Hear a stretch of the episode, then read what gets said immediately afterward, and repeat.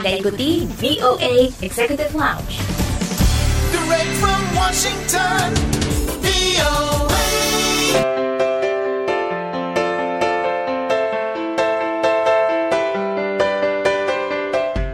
kabar? Kembali bersama saya Dania Iman dan kali ini seperti biasa VOA Executive Lounge akan menghadirkan cerita menarik seputar diaspora Indonesia di mancanegara juga beragam kabar terbaru dari dunia gaya hidup dan juga hiburan. Kali ini ada cerita mengenai warga Indonesia Kevinia Rizky yang tinggal di kota Houston di negara bagian Texas, Amerika. Ia dan suaminya memiliki bisnis aviasi di Amerika yang salah satunya membantu pengiriman bahan bakar minyak ke beberapa pelosok di Indonesia. Nanti Kevinia akan bercerita lebih lanjut mengenai usahanya kali ini, maka dari itu jangan ke mana-mana, tetap di VOA Executive Lounge. Ingin tahu berita menarik, terkini, dan terpercaya? Ikuti kami di Instagram at Indonesia.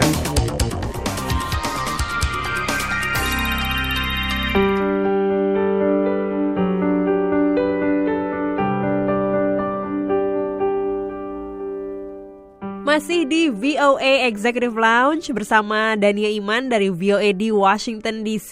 Langsung saja kita simak obrolan reporter Dewi Sulianti bersama Kevinia Rizky di Houston, Texas yang akan bercerita mengenai bisnis aviasi yang ia tekuni.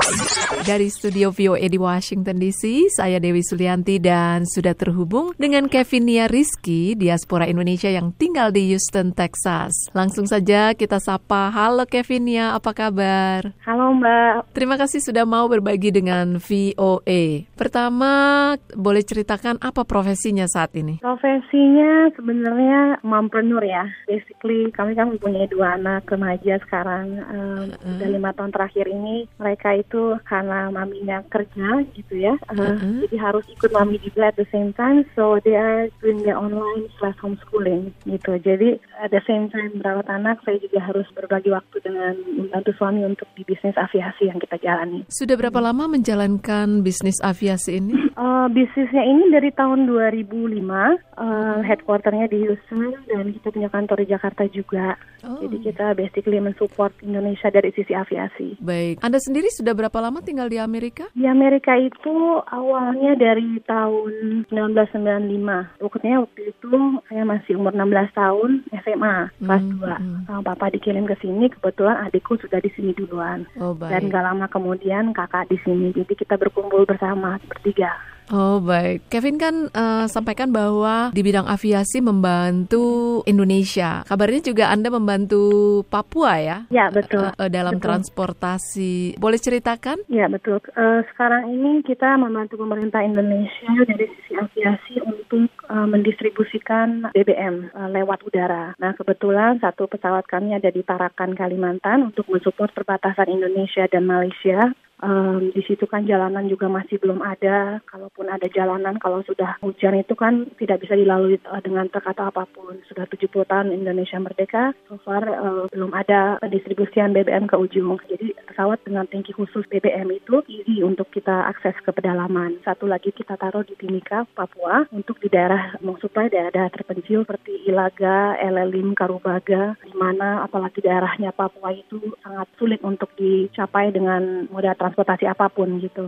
Jadi alhamdulillah sudah berjalan hampir empat tahun program ini dan eh, dengan BBM satu harga yang ada sekarang ini kita bisa mensupport pemerintah. Baik, baik. Dan ini tentunya sangat membantu pemerintah Indonesia ya dalam menyamakan harga BBM ya. Betul. Baik. Jadi sekarang pemerintah langsung ikut campur untuk pendistribusian BBM sendiri dengan transportasinya. Tidak hanya subsidi dari sisi BBM-nya, tapi transportasinya pun eh, pemerintah yang urus. Wah, ini memang seharusnya diaspora Indonesia itu seperti Anda ya.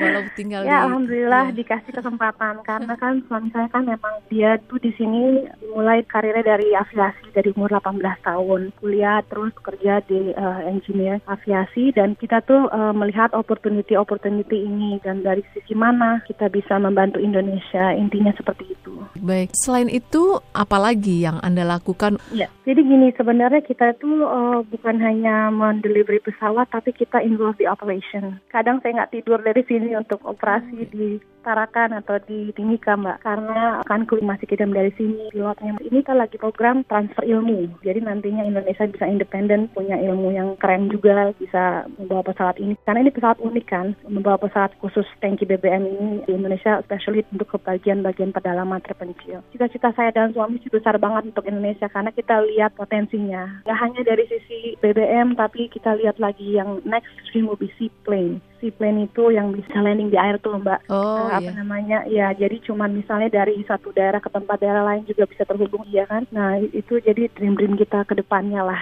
Mudah-mudahan itu tercapai juga untuk Indonesia. Mudah-mudahan ya. Selain membantu Indonesia, apakah Anda juga ada usaha lain? Kami ada klien juga di Vietnam, dia juga dari sisi pariwisata. Kebetulan pesawat Cessna yang mereka pakai itu dari Amerika, memang bisa diimplementasi juga di Indonesia seperti mereka. Mereka punya tiga Cessna untuk membawa turis dari Hanoi ke Halong Bay. Itu hanya 30 menit. Eh, mereka kami support selama ini untuk sisi aviasinya di Vietnam. Kemudian negara mana lagi? Negara Chile juga kami support, tapi itu hanya dari sistem spare parts dan kebutuhan-kebutuhan aviasinya, Mbak. Baik, apakah ada rencana untuk kembali lagi membantu Indonesia? Mungkin Anda juga bisa membantu dalam hal distribusi atau transportasi dalam hal pertanian, kemudian Betul. juga pariwisata seperti yang Anda lakukan. Aduh pas dengan- banget nih karena pesawat yang kita pakai ini ini kan produksi Texas ya. Iya. Kebetulan kami kan di Texas. Ini nama pesawatnya Air Tractor. Hmm. Nah pesawat ini kita convert untuk khusus mengangkutan BBM yang kita pakai di Papua dan Timika.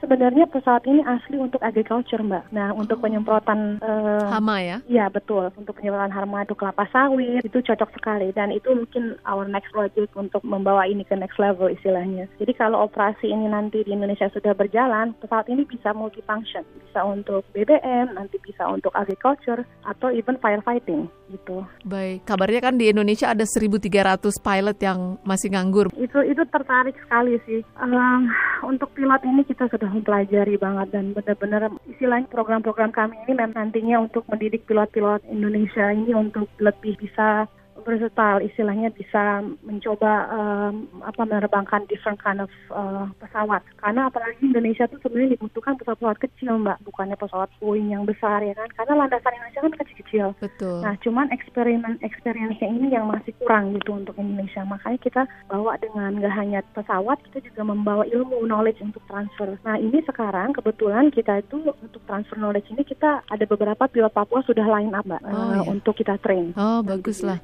Di Indonesia. Karakteristik pesawat ini kan berbeda dengan pesawat besar yang ada dua pilot, jadi ada pilot dan co-pilot. Kalau yang Mhm. kita ini kan harus pilot and command. Hmm. Hoursnya juga harus tinggi, harus eh, minimum 1.500 pilot in command-nya, kan, Oh, single, iya. single pilot tuh. Jadi bener-bener istilahnya your life depend on yourself gitu. Bener-bener kita harus take control, Iya, nggak iya. nggak nggak yang dua kiri kanan gitu kan. Jadi eh, sesuatu yang perlu bener-bener training mendalami dan hoursnya juga harus lama. Oh ya, baik. Ya banyak kendalanya, cuman itu satu-satu sudah kita pelajari dan pahami dan alhamdulillah sampai sekarang semuanya masih berjalan dengan mulus. Baiklah, Kevin ya Rizky, terima kasih atas bagi-bagi Ya, ceritanya dan sukses selalu untuk Anda. Sama-sama, makasih Mbak Dewi.